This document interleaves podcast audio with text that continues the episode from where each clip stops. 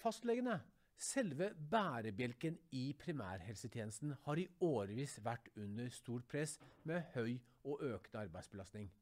En evaluering av fastlegeordningen fra i fjor høst forteller at mange vil slutte som fastlege, og at det er blitt mer krevende å rekruttere unge leger inn i fastlegeyrket. Pasientene ja, de er også misfornøyd. De forteller at det tar for lang tid å få time, og at fastlegene var for lite tilgjengelige på telefon, e-post og SMS. Videokonsultasjoner var så godt som fraværende. Under 3% av konsultasjonene var digitale. Det eneste alternativet var personlig oppmøte. Nå er situasjonen snudd helt på hodet. Så godt som alle fastlegene kan nå tilby digitale konsultasjoner. Men hva kommer til å skje når koronakrisen demper seg? Vil alt bli som før? Med oss til å svare på dette og mange andre spørsmål er deg, Eli Kristiansen. Velkommen. Takk. Du er forsker på Nasjonalt senter for e-helseforskning. Og dere setter i disse dager i gang et stort forskningsprosjekt som heter e-konsultasjon med fastlegene. Og dette skal være din doktorgradsavhandling, grunnlaget for din doktorgradsavhandling. Kjempespennende. Eh, det gleder vi oss til å høre mye, mye mer om. Men eh, du er jo en ekspert på dette området allerede, og, og da må jeg først spørre deg, hvordan ser den digitale situasjonen ut i dag hos uh, fastlegene? Hva, hva er det som har skjedd nå i disse koronatider? Ja, For å svare på det, så må jeg nesten først fortelle litt om hvordan det så ut før samfunnet gikk i lockdown. Da hadde vi altså eh, en situasjon der ca. 3% av alle konsultasjoner med fastlegen gikk digitalt. Og når jeg sier gikk digital, så var det enten at man eh, kunne ringe fastlegen sin på video og snakke eh, sånn som jeg og du snakker nå, eller så kan man sende en e-post til legen sin der man forklarer sin kliniske problemstilling, og så får man et svar tilbake fra, fra legen. Så som sagt, altså 3% eh, foregikk på den måten. Og hovedsakelig var det tekstbasert e-konsultasjon.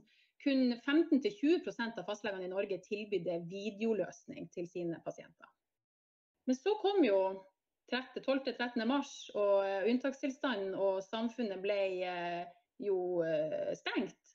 Og da fikk vi en eksplosiv økning av video- og tekstmuligheter med fastlegen. Mm. Og hva skjedde da? Ja, Vi ser jo at eh, nesten alle fastleger har installert eh, video- eller tekstmuligheter med pasientene. Ikke alle har tatt det i bruk, men en, eh, to tredjedeler bruker det aktivt, har brukt det aktivt under krisa. Så hvis, jeg skal, hvis jeg skal gi litt tall, da, så kan jeg si at før krisa så lå under 1000 konsultasjoner om dagen gikk på video. På den dagen under lockdown som vi hadde høyest antall eh, videokonsultasjoner, så var det 12 000 konsultasjoner på én dag. I gjennomsnitt lå de på rundt 8000 konsultasjoner. Så det er jo en formidabel økning. Og når vi snakker om tekstbasert konsultasjon, så var det den dagen, den 16. mars, som var vel mandagen etter nedstenging av samfunnet, så var det altså 25 000 konsultasjoner på tekst på én dag. Så, så 25 000 pluss de, 8000, unnskyld, de 12 000 på video? Ja. ja. Så Vi så jo der at uh, vanligvis så ligger det under ja, 4000-5000 tekstbaserte konsultasjoner om dagen. Så det har vært en kjempeøkning. Ja. Og i sånn gjennomsnitt så har uh, rundt 33% av konsultasjonene vært, vært digitale i hele mars måned. Mm. En, en formidabel vekst en, en, vekst som ingen kunne forvente å forestille seg. Vi, vi, sitter og ser på en rapport fra Direktoratet for e-helse som, som, regnet med at uh, 30% av alle fastleger skal være på digital konsultasjon i 2028. Altså, vi er jo i løpet av noen få timer eh, så var vi allerede langt forbi det tallet. Ja, eh, Direktoratet for e-helse ga ut en rapport i 2018 om video- eller e-konsultasjon med fastlege og legevakt. og Der hadde de som du sier, en prognose på 30% i 2028. Da, da, da håpa de på, eller tenkte at rundt 20% av konsultasjonene skal gå på video og 10% på tekst. På ti år da har de ønska den, den økninga som vi nå så på noen dager, som du sier. Så det er veldig spennende. Eller Kristiansen, når du nå går i gang med denne forskningen, kan du fortelle oss hva er hva vet forskerne i dag? Hva er egentlig kunnskapsgrunnlaget som, eh, som forskningen har å bygge på? Altså, Vi vet veldig lite om videokonsultasjon med fastlege. Vi vet lite om uh, kvaliteten på den, både den kliniske kvaliteten og den opplevde kvaliteten både fra fastleger og fra pasienter. Vi vet at det er gjort en del forskning på tekstbasert kommunikasjon. Um, det er også gjort en del forskning på uh, video i spesialisthelsetjenesten. Men det er jo, um, det er jo helt andre problemstillinger uh, enn det vi møter hos fastlegen. Og, og, vi ser også at de, de, få forskningene som er gjort, det er ofte gjort på piloter, isolerte situasjoner, isolerte pasientgrupper som får tilgang til video. Men, men eh, utruller sånn som vi forhåpentligvis ser det nå, altså at det er en tjeneste til innbyggermassen, det vet vi eh, forskningsmessig eh, nesten ingenting om. Mm. Så har vi jo en del erfaringer som tidlige brukere av videokonsultasjon har gitt oss. Eh, de sier bl.a. at de opplever at eh, det tar kortere tid å ha en videokonsultasjon. At pasienten møter mer forberedt, og de eh, bruker kortere tid på å komme fram til på en måte konkludere konsultasjonen. Men det er jo veldig viktig å, å påpeke at det er tidlige eh, brukere på fastlegesida, og det er tidligere brukere, tidlige brukere på pasientsida. Altså digitalt modne fastleger, digitalt modne pasienter som møtes for å snakke sammen. Og Når dette nå blir en tjeneste som eh, som skal rulles ut til et større pasientmasse, så kan vi vel tenke oss at kanskje tidsbruken ikke blir å være kortere. Når det er mer komplekse problemstillinger som blir, ta, blir tatt på video av mer digitalt umodne pasienter, så, ja, så vi, vi, trenger absolutt forskning for at vi ikke skal basere kunnskapsgrunnlaget vårt på erfaringer gjort av de aller første som har tatt i bruk tjenesten. Mm. Og den forskning som du skal skrive doktorgraden på, og som senter for, Nasjonalt senter for e-helseforskning skal da gjøre, den vil kunne være med på å fortelle øh, og gi svar på akkurat det store kunnskapshullet vi har nå? Ja, det håper vi jo. Det er jo, det er jo hele formålet med prosjektet vårt. Det er jo å, å se mer på uh, hvilke effekter har video på eh, helsetilbudet som vi gir pasientene. Det er også Eh, et annet stort spørsmål som er viktig å få svar på i forskninga, er jo hvilken type problemstillinger kan vi løse på video.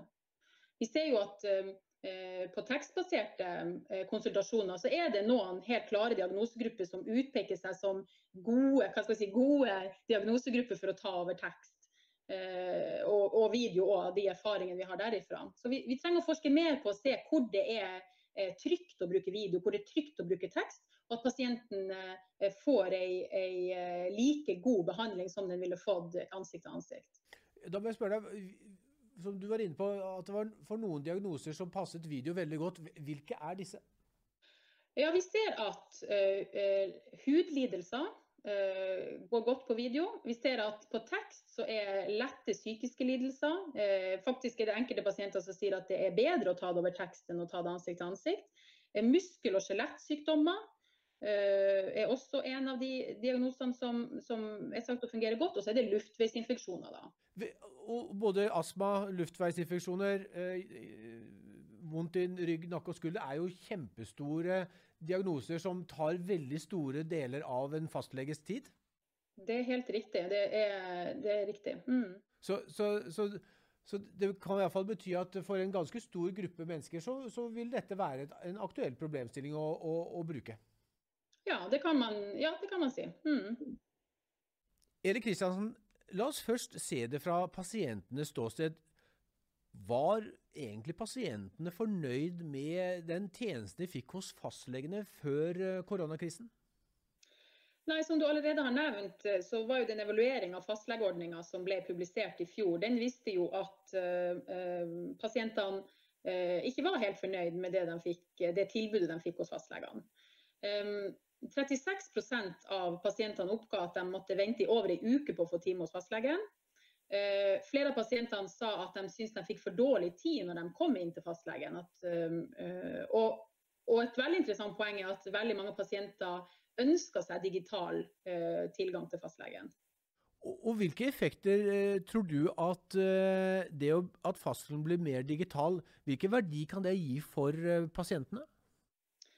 Altså, vi vet jo kanskje En av de tingene vi vet mest om eh, når det gjelder video med, med, fastlegen, er jo at det er tidsbesparende for pasienten. Og det er kostnadsbesparende for pasienten. Da slipper pasienten å ta seg fri fra jobb for å reise kanskje lange reiseveier til fastlegekontoret. Finne parkering. altså ja, vi, Alle de tingene som er rundt det å gå til legen, slipper man jo når man kan ringe dem eh, på video. Mm. Så kostnadsmessig, altså for samfunnet, så er vel det den største gevinsten også for pasienten. da. Mm. Um, så har vi jo gjort forskning på um, digital dialog med fastlegen, um, som da er å bestille timer på nett, å få resept på nett og å eh, sende tekstbasert konsultasjon med fastlegen. Så våre senter har gjort uh, en stor forskning i 2017 på, på akkurat det, der vi med, eller vi uh, gjorde en spørreundersøkelse på over 2000 pasienter. Mm. Eh, Dette var pasienter som brukte eh, digital, eh, altså digital kommunikasjon med, med, fastlegen sin allerede. og da, De sa altså over 70% følte at de fikk en bedre oppfølging av fastlegen når de hadde brukt tekstbasert kommunikasjon med fastlegen. Mm. Men nå flytter eh, veldig mye av dialogen mellom pasient og fastlege det, det flytter seg fra tekstbaserte løsninger, ser vi, til videoløsninger. Hva tror du det vil bety for pasientene? Ja, altså Fortsatt er jo det er en høyere andel tekstbasert kommunikasjon, også under krisa, faktisk. Det ser vi jo på tallene. Men um, um, nei, det er det vi må finne ut av, da. Det vet rett og slett forskninga sier for lite om det. Det er gjort altfor lite forskning på videokommunikasjon med fastlegen. Rett og slett fordi det ikke har vært utrulla i stor nok skala til nå. Hmm. Hvis vi ser det på fra fastlegens synspunkt, da. Eh, var han eller hun fornøyd med situasjonen som var før krisen. Det, de var jo også gjenstand for en, en, en grundig evaluering eh, rett før krisen. Mm, ja, og den evalueringa snakker vel for seg sjøl. Det er jo um, mye misnøye hos fastlegen at de har lange arbeidsdager, veldig høy arbeidsmengde. Og vi ser jo også at det både er vanskelig å rekruttere fastleger, og det er også en del fastleger som slutter som fastleger og heller søker seg mot spesialisthelsetjenesten. Så jeg mener jo at de funnene vil tale for seg sjøl hvordan fastlegene følte om sin arbeidshverdag og ordningene. Ja. Tror du at uh, en, en, økt grad av digitalisering at det vil uh, forbedre arbeidssituasjonen når uh, vi etter hvert kommer over på normalsituasjonen? Det er, det, det er, jo det, store spørsmålet. Det er det vi må prøve å finne ut av. rett og slett. Vi må, eh, vi må, forske på om fastlegen føler at den gir god nok kvalitet til pasientene sine når de møtes på video. Vi må forske på om fastlegene eh, greier å gjøre de vurderingene de skal over video. Og vi må forske på om hvordan video påvirker forholdet man har til pasientene sine.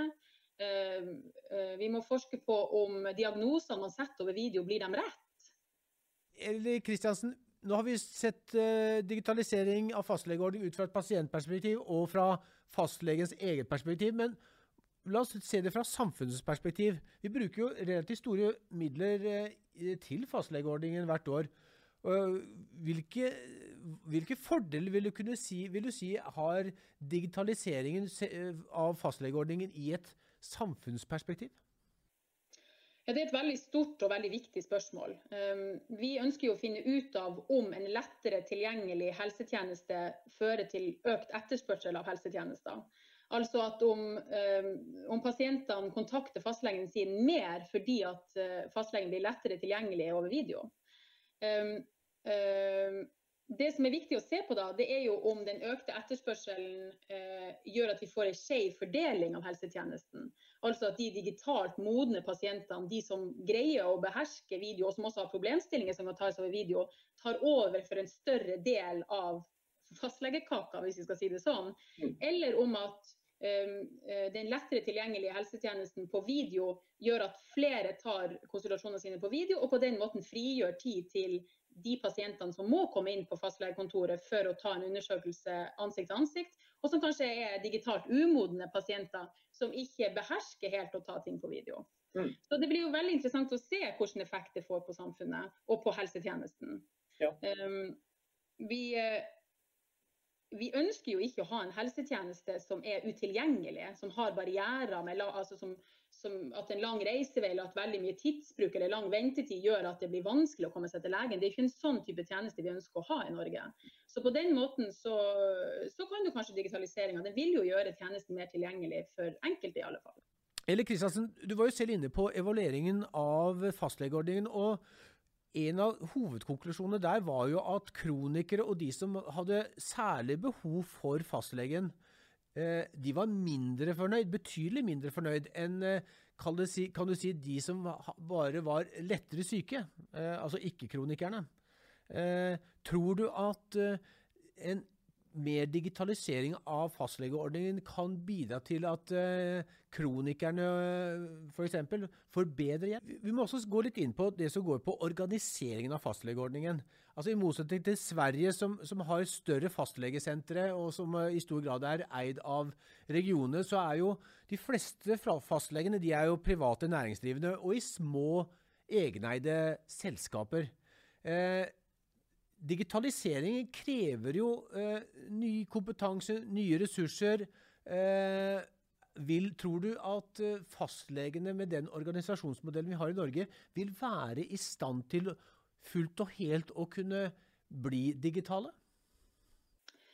Ja, nå er de jo godt på vei allerede. På, eh, det ser vi jo etter, etter krisa. Men, men, det som er, vi kan reflektere litt over, det er jo det at en fastlege er jo sin egen IT-support. Eh, hun er sin egen strateg, hun er sin egen daglige leder.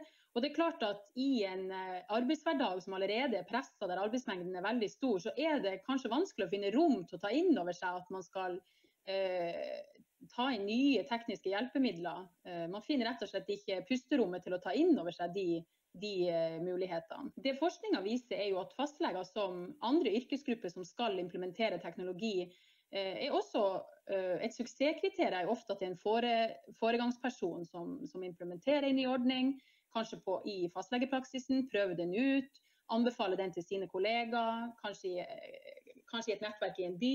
Eh, og Det har vi også sett eh, nå før krisa, at det var sånn mye av implementeringa foregikk. Men, men, som vi har sagt før, nå, nå, er det jo helt andre tider, og de aller fleste har jo løsningen på plass.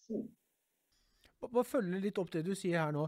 Og de, for, fastlegene har jo nå de siste årene fått konkurranse. Det er, det er kommet en rekke private, helt eller delvis digitale tilbydere, som eh, Kry, eh, svenske Kry, Eir, som er helnorsk eh, digitalt selskap. Du har Doktor Drop-In, og så har du også hjemmelegene. Sikkert flere andre også. Hvilken rolle tror du at eh, disse kommer til å spille fremover? Eh, kan og bør de kunne være med å avlaste eller spille en rolle i eh, den norske primærhelsetjenesten? Det er et kjempestort spørsmål, det også. Vi, eh, vi håper jo at vår forskning skal kunne gi litt svar på det. Jeg tror det er viktig å se på de private leverandørene også som en del av det store bildet i, i eh, tilbydere av helsetjenesten nå. Fordi de er det. De er der, og de tilbyr konsultasjoner på video. Vi ser jo i media at det har vært en veldig polarisert debatt rundt de private leverandørene. Og det er Noen som mener at de bare skummer fløten og tar de enkleste pasientene at de henviser mer, at de skriver ut eh, mer medisiner. Men på den andre sida så ser vi jo at pasientene eh, bruker jo tjenesten. Så det er jo helt tydelig et behov for den tjenesten som de tilbyr. Mm. Um, så det som vil være interessant, må jo være å se nøyere på hvilken type pasientgruppe går til, um, til de private leverandørene. Og, og, veldig spennende blir det jo nå å se om bildet endrer seg når flere fastleger tilbyr det samme som de private leverandørene. Eli Kristiansen, eh, de digitale private helsetilbyderne har jo av eh, en del fastleger og av andre for, for den saks skyld blitt anklaget for å øke forskrivningen av en del legemidler, bl.a. antibiotika, og øke sannsynligheten for at eh, leger skriver ut sykemeldinger. Hva forteller forskningen om dette? Er det, er det riktig? Altså Når det gjelder medisinbruk og videokonsultasjon, så mm, har ikke vi funnet noe forskning som har eh, noen klare tall på det. Eh, men jeg vet at det er en debatt som går i media, der den ene delen som du sier, påstår at det blir skrevet ut eh, mer medikamenter over video det som er forskning som man kan Det vi, det vi vet, er det at lettere eh, Hvis man er hos legen, så er det større sannsynlighet for å få medisiner. Og vi ser jo at forskning fra eh, når eh, videregående skoler eh, begynte å kreve fraværsbevis fra sine elever, da ser vi at i forbindelse med det så gikk medisinbruken kraftig opp på 25% på antibiotika og lette sovemedisiner for den eh, aldersgruppa. Så det er jo, et, det er jo forskninga som beviser at når du er hos legen, så er det større eh, sannsynlighet for å få den medisinen. Ja. På den andre sida så har jeg jo snakka med fastleger som sier at de opplever det motsatte. Fastleger som er tidlige brukere av videokonsultasjon, som sier at de, fordi de er lettere tilgjengelig for pasientene sine, så ber de eh, pasientene om å vente, avvente situasjonen litt Og så kan du ringe inn om to dager, så ser vi hvordan det går med det øyet, f.eks. Og da kan antibiotika skrives ut to dager senere. Mm. Eh, så de mener jo at det er egentlig det motsatte. At video kan gjøre, eller den økte tilgjengeligheten gjør at medisinbruket går ned. Ja. La oss snakke litt om de som har særlig behov for hjelp hos fastlegene. Det er altså kronikere, folk med rus- og psykiatriproblemer. Vi vet jo også at Norge får flere personer med disse mer komplekse sykdommene. Det blir flere eldre, flere kroniske syke og flere som får behov for oppfølging og koordinering. Hvordan kan en digitalisering av fastlegeordning hvordan kan de måte, avhjelpe fastlegene til å, å si, ta av for denne store, økte arbeidsmengden? Ja, Det er jo ikke så lett å svare på det, fordi vi vet jo enda ikke hvordan, vi vet jo ikke hva utfallet av denne digitaliseringa blir å være for fastlegene, i og med at vi har bare opplevd en stor skala av det i noen uker i unntakstilstand. Men det vi, kan, det vi må følge med på, det er jo veldig viktig at vi driver følgeforskning nettopp på videokonsultasjon nå for å se hva blir utfallet av det. Eh, man kan jo tenke seg at eh, hvis det er sånn at det frigjør tid til de eh, pasientene som er mindre digitale, altså digitalt umodne pasienter, og de som har veldig komplekse problemstillinger som trenger å møte fastlegen sin på kontoret, vi kan jo tenke seg at, at hvis flere tar, video, tar, det på video, så vil det frigjøre tid for, for de type pasientene som må komme inn på kontoret. Men, men vi vet jo egentlig ikke det. Det det man kunne håpe på, var jo at fastlegene, og det, det, vet vi at det er en debatt som går, at fastlegene skal kunne få mer tid til forebyggende arbeid.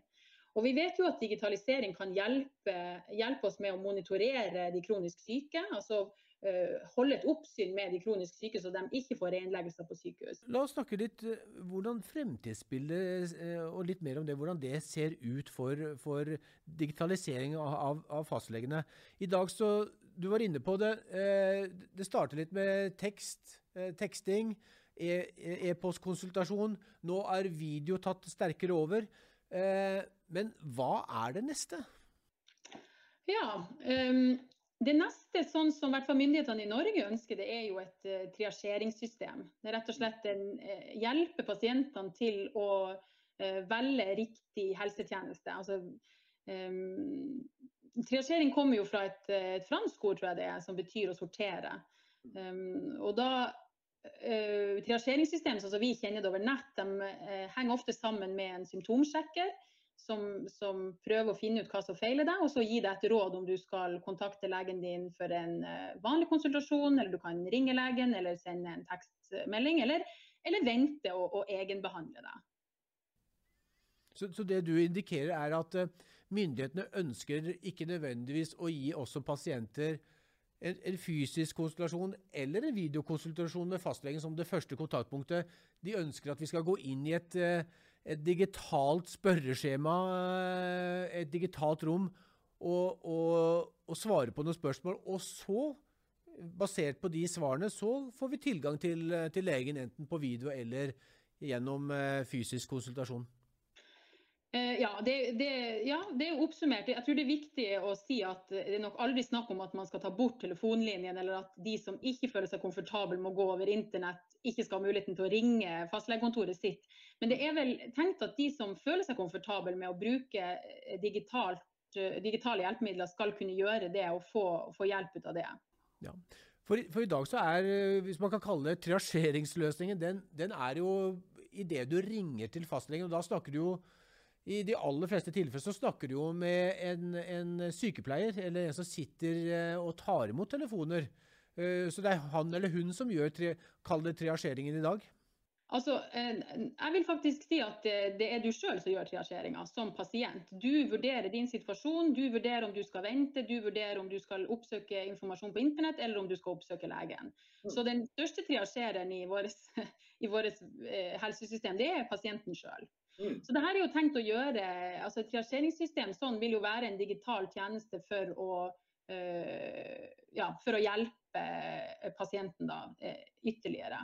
Mm. Men, men, det som forskninga viser, det er at uh, symptomsjekkere, som jo da er et, um, et system der du som du sier, du taster inn det som feiler deg, og så kommer det ut med en diagnose til deg, de er veldig variable på kvalitet. Eh, og Det er mange grunner til det. Det er vanskelig for en symptomsjekker å, å gi en diagnose til en pasient som har uh, et komplisert sykdomsforløp f.eks., eller som har mange kroniske lidelser, går på mange medisiner allerede. Det er vanskelig for det beslutningstreet å finne ut hva det er som feiler den pasienten i akkurat dette tilfellet. En annen ting vi vet om symptomsjekkere, er at de, er, de digitale symptomsjekkerne er veldig risikoavers. De er jo programmert inn til å ikke gjøre en feil og si at du skal sitte hjemme og vente hvis du egentlig har et hjerteinfarkt eller trenger akutthjelp. Mm. Så vi kan jo tenke oss at hvis vi får triasjeringsløsninger eh, for alle innbyggerne i Norge, så vil man faktisk få et økt behov for helsehjelp, fordi at symptomsjekkerne vil sende også eh, mindre akutte pasienter til akutten. Ja, er sant. Det er kjempeinteressant. Det er uh, fordeler og ulemper med, med, de nye digitale løsningene, og de, og de må selvfølgelig være presise. Vi, vi, må også spørre deg helt til slutt, Eli. Eh, nå, som du sa, sa, så er 30% av fastlegene nå er blitt eh, digitale. Dvs. Si 30% av alle konsultasjonene er digitale. Ja, var i mars måned, ja. Ja, var i mars måned. Eh, tror du, når denne situasjonen med koronakrisa er over, Eh, eller i hvert fall mildnes. Tror du at eh, fastlegene vil sprette tilbake og komme tilbake til denne 3 hvor det er bare de 3 som, som blir eh, digitale konstellasjoner? Vanskelig å si. Jeg tror vel personlig at vi ikke blir å gå tilbake til 3% nei. Jeg tror nok at når den døra er åpna, så er For det første er investeringa allerede gjort. Så for mange fastleger er jo den største eh, dørterskelen er trødd over ved at investeringa er gjort og det er satt opp for å kunne gjøre konsultasjoner over video og tekst. En annen ting er jo at pasientene har fått en smak på det. Flere pasienter har eh, erfaring med det og vil kanskje kreve det fra sin fastlege. Um, og så blir det veldig interessant å se på uh, når vi kommer ut på andre sida av det her og åpner opp igjen og kan begynne å gjøre grundig forskning på det. Hvordan var erfaringen? Med eh, eh, video og tekst. Mm. Og Her kommer du og Nasjonalt senter for e-helseforskning inn. Når er det dere vil begynne å kunne få resultater og data som dere kan eh, publisere fra, fra den studien du nå går i gang med? Eh, altså vi jobber iherdig nå med å få både eh, tall og erfaringer fra eh, unntakstilstand. Men prosjektet er jo et langtgående prosjekt på over tre år, der vi har Direktoratet for e-helse som samarbeidspartnere. Eh, og vi er nå ute og, og, og eh, jobber aktivt med å få både fastleger og andre interesseorganisasjoner, altså andre eh, viktige aktører med inn i prosjektet for å, mest, for å kunne belyse flest mulig problemstillinger. Mm. Det blir i hvert fall spennende å, å høre den stemmen som dere har, og ikke minst den det, det du har eh, om, om, dette. Så eh, vi håper eh, på raske og gode forskningsresultater. Tusen hjertelig takk for at du var med oss, Eli Kristiansen, i eh, denne sendingen. Takk for meg.